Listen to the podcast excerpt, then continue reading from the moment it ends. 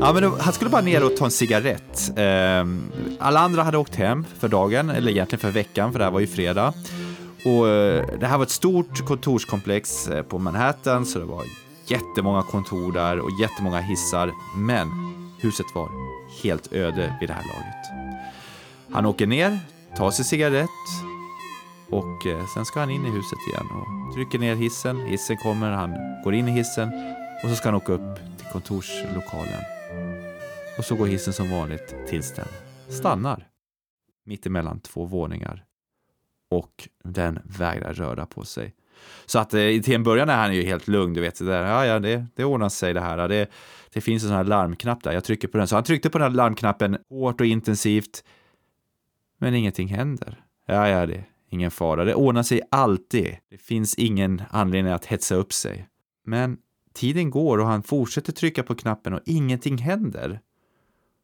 Och han blir kvar där över hela helgen i den här hissen. Ingen hör honom, ingen vet att han är där och det finns en övervakningskamera där som filmar honom. Sen eh, har de slagit ihop den här filmen och gjort sådana här timelapse så det går jättefort. Och där kan man se hur han går igenom olika faser av acceptans och panik och galenskap nästan när han börjar liksom bli arg.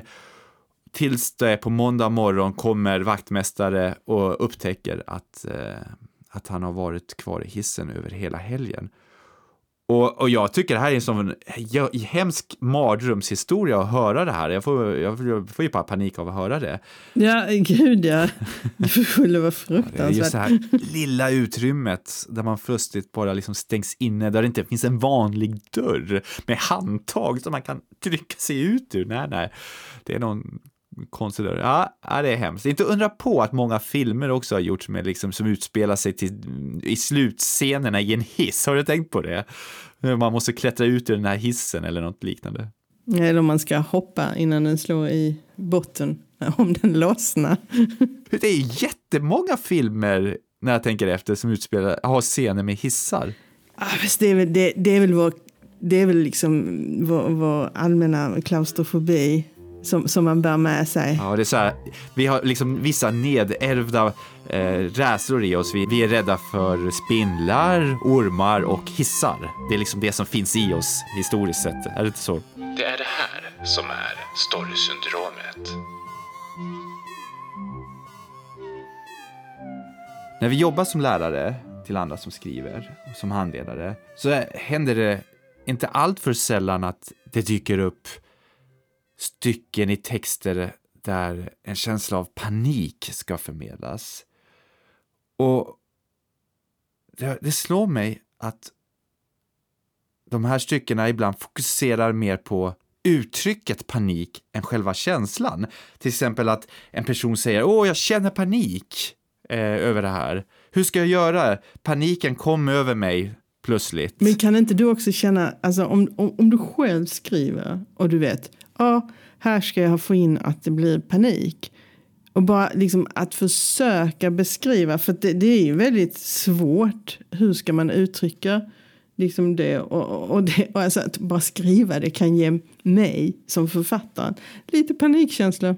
För jag vet inte hur jag ska göra. Nej, men det svåraste som finns nästan att skriva om är just panikkänslor och få det trovärdigt. Det, det, är lättare att skriva att han kände panik, så tänker man att nu förstår väl alla vad jag vill förmedla, men, men man kommer inte riktigt fram med att bara skriva det, den där panikkänslan förmedlas inte alls. Men om någon känner panik, vad händer då liksom? Någon har ett glas i handen, vad händer när panikkänslan börjar komma över en?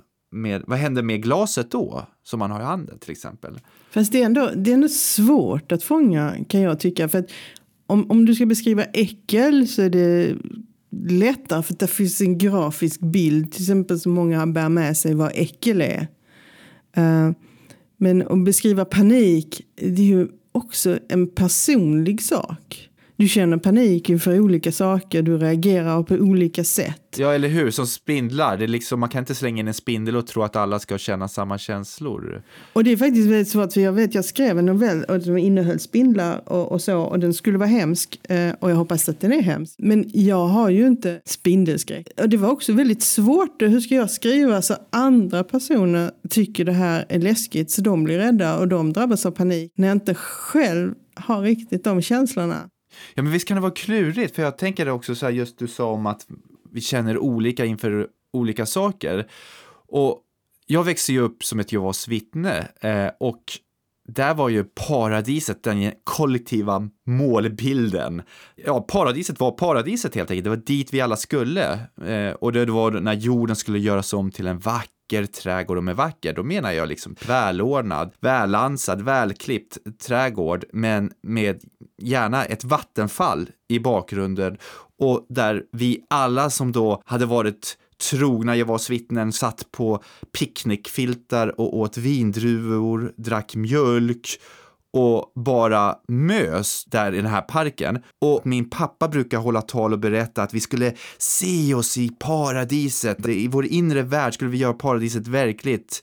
Så då att vi redan var där, även om vi levde i den här världen. Och när jag gjorde det, då fick jag panik.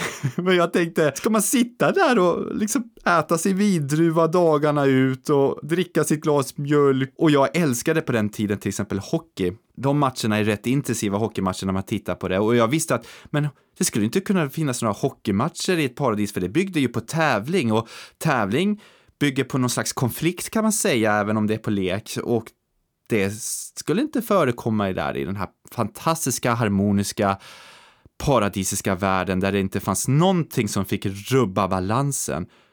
Och jag valde att inte tänka in mig själv i paradiset för att det gjorde mig orolig och fick lite panikkänslor. Men är det inte lite så också att den enas utopi kan bli den andras dystopi ibland? Att allting som påtvingas en också väcker panikkänslor så fort jag reser någonstans, eh, när man, var, om jag åker tåg eller, eller något, när man kör genom små samhällen eller orter och så, då, då, brukar jag nästan alltid tänka, skulle jag kunna bo här?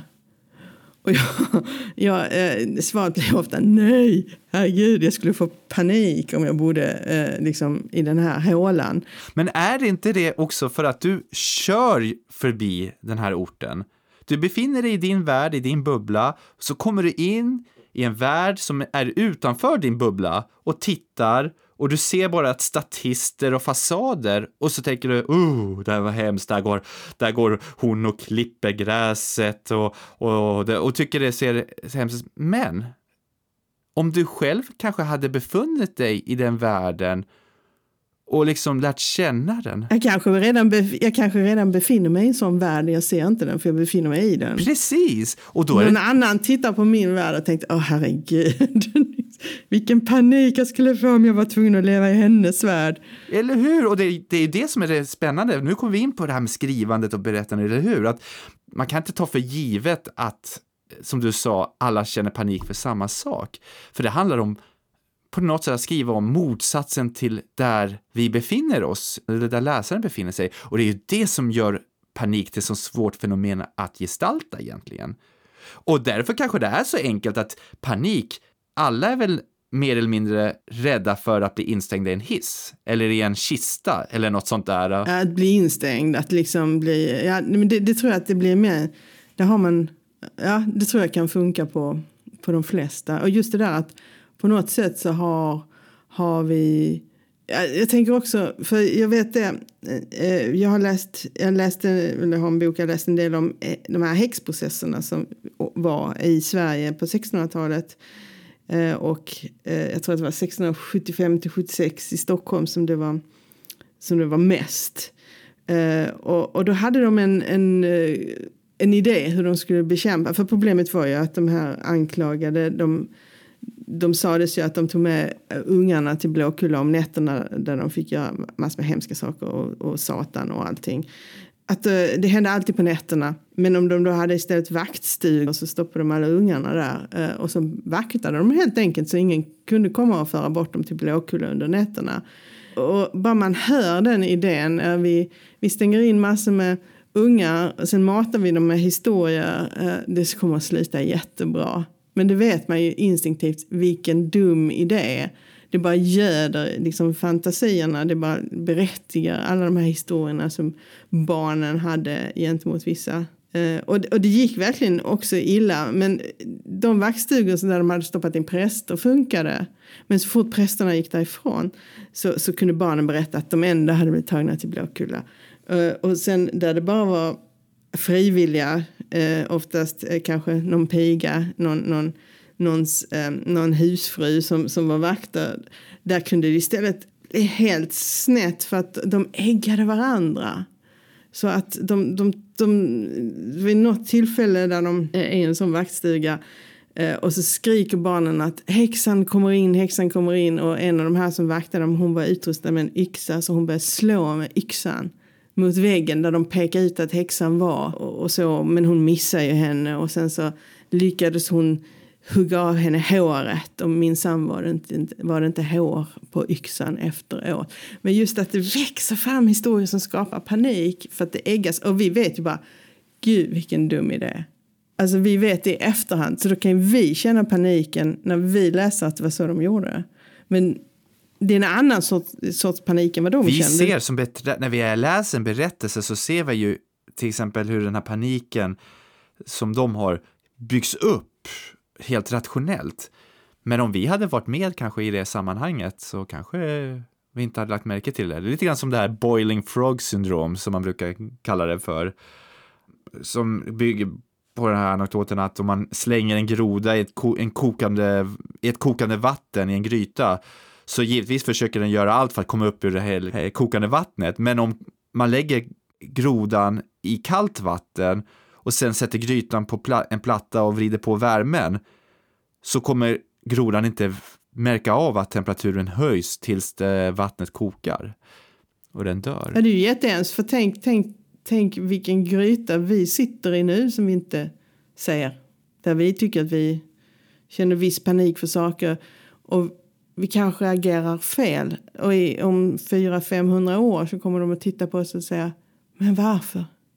Hur kunde de tänka så? Det du pratar om, det är ju en slags panik som byggs upp kollektivt av folk och därför inte känns som kanske en panik hos de som har det och det är ju rätt spännande. Men frågan är hur du får ner det där i text. Ja, men det kanske är så helt enkelt att panik beskrivs kanske bäst med att väcka panik i den som läser berättelsen istället för att skildra panik. Om man bara skriver de, var, de hade alla panik och gjorde si och så, eller hon kände panik och gjorde så och så. Nej, men hon kanske inte känner panik för att hon tycker att allting är rationellt som hon gör. Men jag som läser börjar säga, åh, åh, det här är inte bra och jag börjar få panik. Då blir det bra, blir det inte det? Jo, men det är oftast, jag menar, i filmer använder man ju det eh, ofta. Och jag, jag menar, jag är ju sådär, jag klarar inte av att säga när de, när de eh, går in i ett hus fast de inte får lov att gå in i ett hus. För vem som helst kan komma och överraska dem som de inte vill ska överraska dem. Och de ska liksom undersöka eller leta efter saker. Det är bara så dumt. Eller när det är någon skräckfilm och de går ner i källaren och det är så dumt. Eh, då, då kan jag ju känna den paniken. Så jag förmodar att det är samma där, att man måste arbeta med, med att läsaren läsarens panik kan skilja sig från karaktärernas panik. Och att det är den här sammanblandningen som blir liksom det, det, det, verkligt explosiva om man får det rätt. Precis som det här med, vi vet hur dumt det var med häxprocesserna. De hade sin häxpanik, men jag får panik när jag tänker hur dum är människan som gör så, för jag vet det går fel. Och sen den där kombinationen. Det är därför jag älskar Seinfeld. Seinfeld ger mig eh, panik många gånger när jag ser vilka situationer karaktärerna kastar sig in i utan att reda, ur, reda sig ur dem. Uh, men det, jag, de har ju aldrig panik. Förutom George som alltid har panik. Men i övrigt så de är, för dem är det här bara liksom saker händer. Om man utnyttjar att det finns två olika världar, att det finns en värld som eh, boken innefattar sig som karaktärerna befinner sig i och som är deras. Så den, in, den är mellan bokens pärmar, den är begränsad eh, och, och sen finns det läsarens värld genom läsningen tar in den här då, boken men också liksom befinner sig med sina referenser utanför den. Och då tänker jag på eh, om man går tillbaka till sådana här olika skräck som ändå har funnits eh, med människan genom många århundraden, till exempel vampyrer. Och idag så kan vi titta på vampyrfilmer och vi kan ju nästan tycka att det är häftigt med vampyrer. De är liksom, mm, de kan vara himla snygga, de kan liksom eh, vara coola och allting med de här nya vampyrböckerna eh, och filmerna och sånt som har, som, som har kommit på senare år. Eh, men om man, om man tittar hur de verkligen uppfattade vampyrer förr i tiden när det var för dem en jättestor skräck. För att de kopplade till reella saker i sin samtid. Som en vampyrpanik i New England på eh, var det 1700-1800-talet som gick ut på att samtidigt som den här rådde, folk var väldigt rädda för vampyrer, så eh, var tuberkulos en väldigt vanlig sjukdom. Och tuberkulos är en sjukdom som kan vara väldigt långsam och sakta äta upp, alltså tvina livet ur folk som drabbas. Och på svenska heter det för tvinsot. Eh, och för på engelska där så heter det att de fick consumption, att de blev nästan uppätna av den här sjukdomen. Och man såg hur livet rann ur dem, de, som om de tappades på liv och på blod. Och då beskyllde man ofta på att det var vampyrer som orsakade detta och att då var vampyrer inom egna familjen, alltså döda släktingar som återvände. Så det blev en jakt på liksom den här familjevampyrerna. Det blev en skräck över det här. Men kom de tillbaka då med tänd, så här, huggtänder då, liksom som i filmerna eller? Nej, nej, de var, de, de var bara att de att de verkade. Det var inte så att man såg dem. Det var inte den här bilden som vi har av vampyren. Inte heller med de med glitter. Utan de, de, bara, de bara fanns där. Och det enda sättet man kunde ta reda på om det verkligen var en vampyr som, som, som liksom tärade på, på sina levande släktingar. Det var man grävde upp, eh, gam, grävde upp gravarna och skar upp liken eh, och kollade om det fortfarande fanns blod i hjärtat. Så att man trodde att döda släktingar var vampyrer som sökt till sig det andra levandes livsskäl då? För jag antar att det hade att göra med att smittan spred sig så att även släktingar blev sjuka och man tänkte varför, hur sprider sig smittan? Det måste bero på den som har dött, vampyren. Ja, att den suger livet ur dig helt enkelt från bakom, från bakom graven suger den livet ur dig. Så då, då grävde man upp um, de här uh, döda kropparna och kollade om det fanns blod kvar i, hjärt, i deras hjärtan. Och fanns det det så var det för att de var inte riktigt döda. Då var de ju liksom vampyrer och då var det de som var skulden till att folk dog. Ja. Så det här var fullt rationellt tänkte man. Ja, men här är det någon som har legat död i två månader, men det är fortfarande blod i hjärtat eller i lungorna eller något liknande. Alltså en, av de, en av de mest kända av de här vampyrberättelserna det var ju om en familj där eh, först för mig, modern eh, dog och sen så eh, dog eh, en av döttrarna. Eh, och sen så fanns det även en son och dotter eh, kvar då. Eh, och sonen blev också sjuk och började tyna bort. Så, så han åkte iväg för att tillfriskna på annan ort. Uh, och när han var borta så blev systern sjuk. Och hon hette uh, Lena Mercy Brown. Uh, och hon tynade långsamt bort som man gjorde och sådär. Och sen så, sen så dog hon. Hon var inte så gammal, jag kommer inte riktigt ihåg. Men hon var kanske 19 eller någonting sånt när hon dog. Och då kom man fram till att det måste vara någon av de här tre kvinnorna, modern eller de två systrarna, måste vara en vampyr.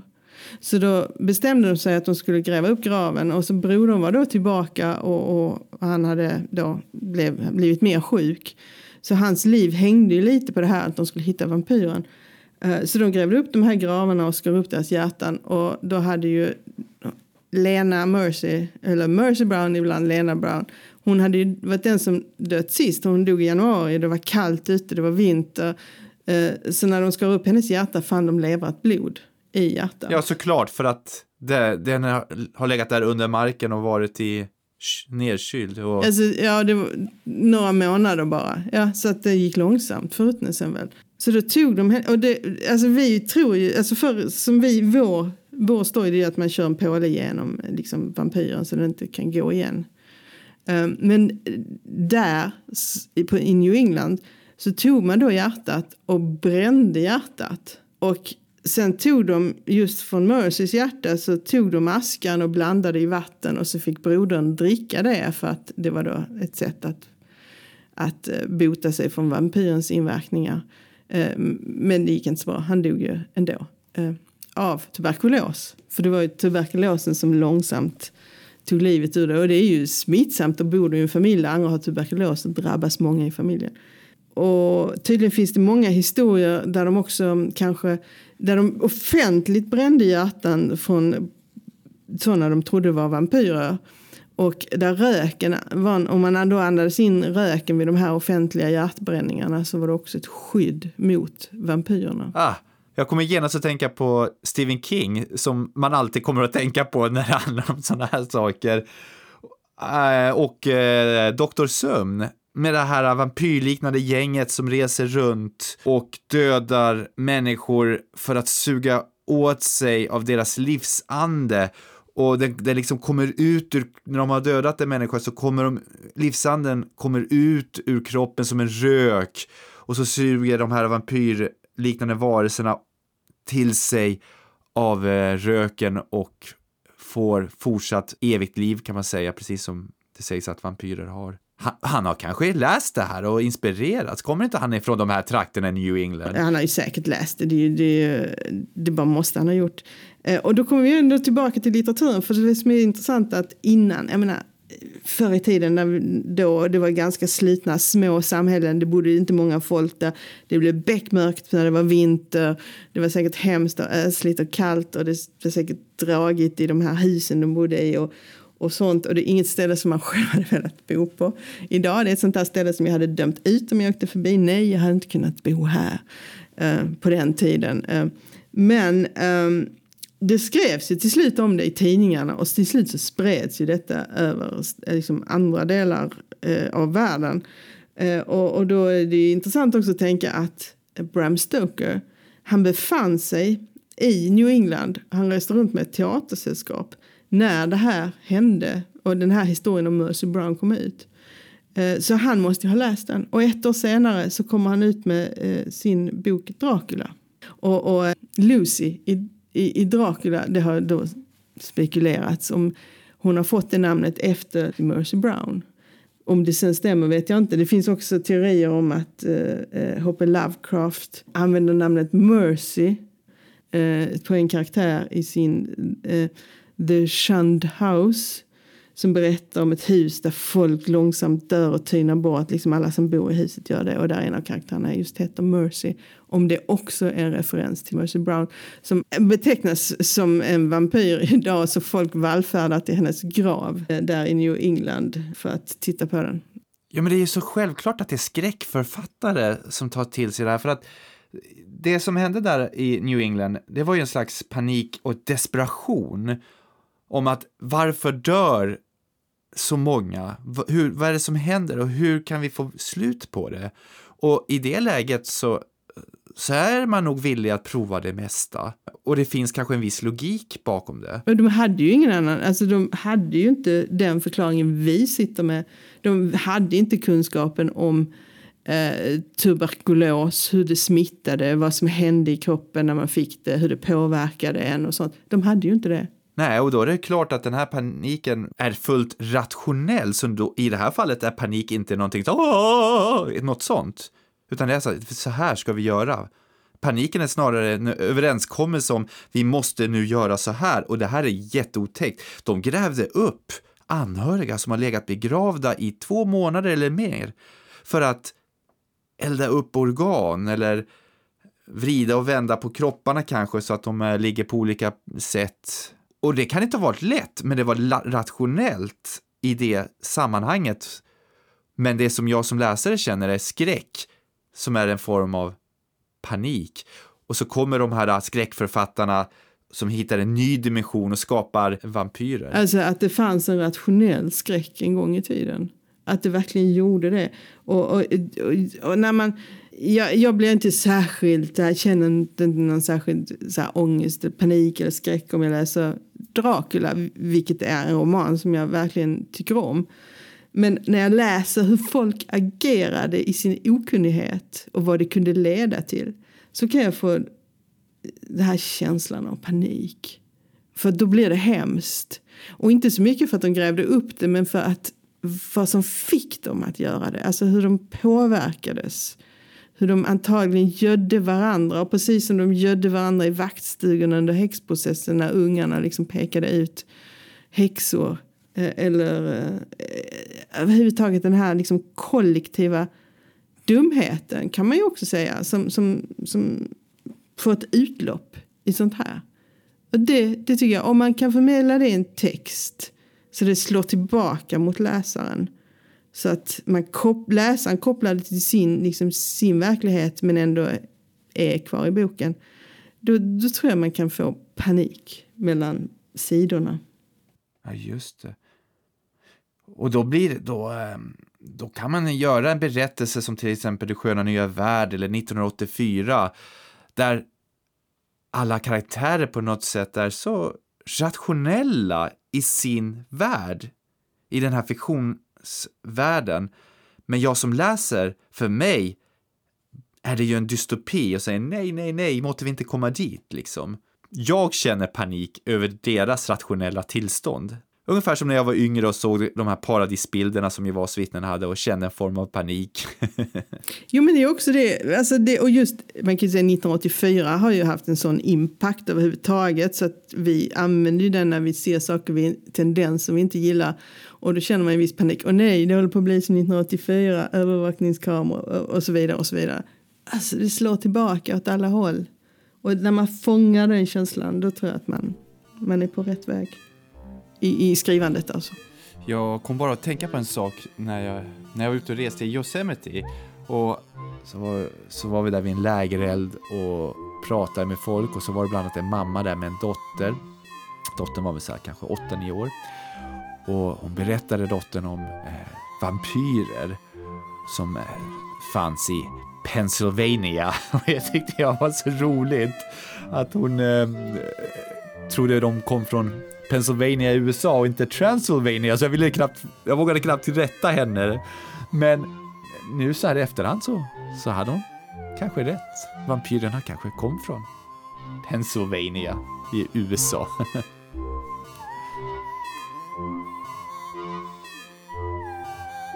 och nu, liksom i, i New England och Pennsylvania Eh, så eh, sitter vi här med en sjukdom som påverkar oss och, och folk har teorier åt alla håll men vi liksom samtidigt också accepterar vi att vi befinner oss eller har befunnit oss i pandemin för nu är ju restriktionerna borta igen.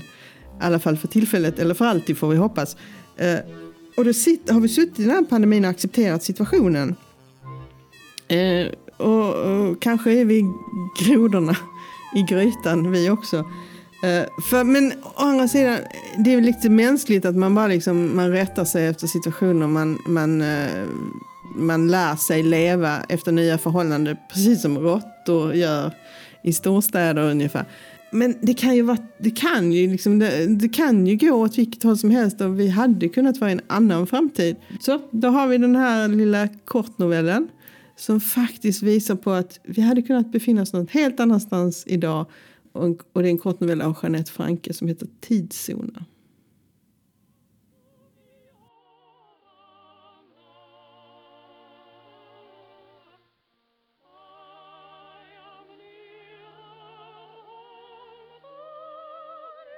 Det är midnatt. Himlen kolsvart. Hon smuttar på kaffet. Skållhett och hon sänker muggtemperaturen. Skållar igenom nyhetsflödet. Stora rubriker om de olika tidszonerna. Fördelar och nackdelar men inget nytt. Dagarna vill ha det som förr. Nattarna driver på fördelarna med 24 timmars aktiv tid. I år är det 35 år sedan. Hon minns bara munskydden, men hennes föräldrar har berättat. Hur fort det gick. På bara några månader förändrades världen. All rörelse upphörde. resandet, fysiska möten. Butiker som sålde mat och kläder försvann helt och städer lämnades öde. Ökad dödlighet gjorde att människor slutade träffas. Före vaccinet dog de i drivor. Tydligen skapades idén om den rena människan under de svåra åren. Det virtuella resandet tog fart på riktigt. Anställningen utrotades. Lokalism och nya tids och landzoner får man av idag. Människans rätt att välja. Välja när, hur, välja zon, välja tid, välja liv. Statistiken visar att nattarna utgör 20 procent, dagarna 46 och halvtiderna knappa 30. Dygnar och timeswingers resterande. Nattarna ökar mest och timeswingers bland unga. Men över 25 orkar kroppen inte. Inte ens de renaste är klara för många byten och forskningen verkar enad. Max fyra byten under en livstid. Mer kan vara direkt farligt. Speciellt om man går radikalt. Från nattare till dagare, eller tvärtom. Hon har varit ren i snart tio år och gjort två byten. Från dagar till natter när hon flyttade hemifrån och sen till halvtider när barnen kom. Dagarna har hon nästan ingen kontakt med. Inte sen hennes föräldrar dog. Och nattare. När hon var ung dagar dejtade hon en. Han var på väg hem från en spelning och hon skulle äta frukost. De blev kära. I månader sov hon knappt. Han var lång, hade putsade skinnskor, kostymbyxor och smal slips. En brasiliansk bossanova med stora varma händer. De åt långa frukostar, gick på bio, badade i havet och hon trodde att han skulle gå och omvända. Eller att hon kunde omvända sig själv. Att kärleken var större än zonerna. Det finns många exempel såklart. Andra som lyckats. Men hon såg honom aldrig igen. Hon och August lovade. Barnen skulle få rätt att själva bestämma tid. Rena eller inte är bytet enklare för halvtidare. Och det gick smidigt. Sömnen är dålig i bebisåren oavsett. Och i bytet rensar de bort en del umgänge. De flesta nyblivna halvtider flyttar till landet. Provar i alla fall. Dagarna har bott där länge. Men hon gillar stan, stöket, restauranger och mötesplatser, de upplysta parkerna och de nya upplysta skogspartierna. Dessutom är dagarna spända, programmerade. Jakten på att hinna allt innan mörkret. All tid styckas upp. Tid för jobb, tid för träning, tid för mat, tid för umgänge, tid för familj och sen sömn i åtta timmar. Ingen flexibilitet alls. Halvtiden är perfekt och den går att anpassa. Under sommaren väljer de natt och förmiddag, men när det blir kallare är det eftermiddag och kväll. Konverteringen tar knappt två veckor i rent tillstånd. Och de reser till dagen när tillfälle ges. Nästan alla resor görs till dagen. Om ett par dagar ska de åka till vänners hus utanför Rio. Det är en hel dagsresa. 16 timmar dag och kanske ett par timmar kväll för att se solnedgången. Det är viktigt att barnen får en känsla för dagen.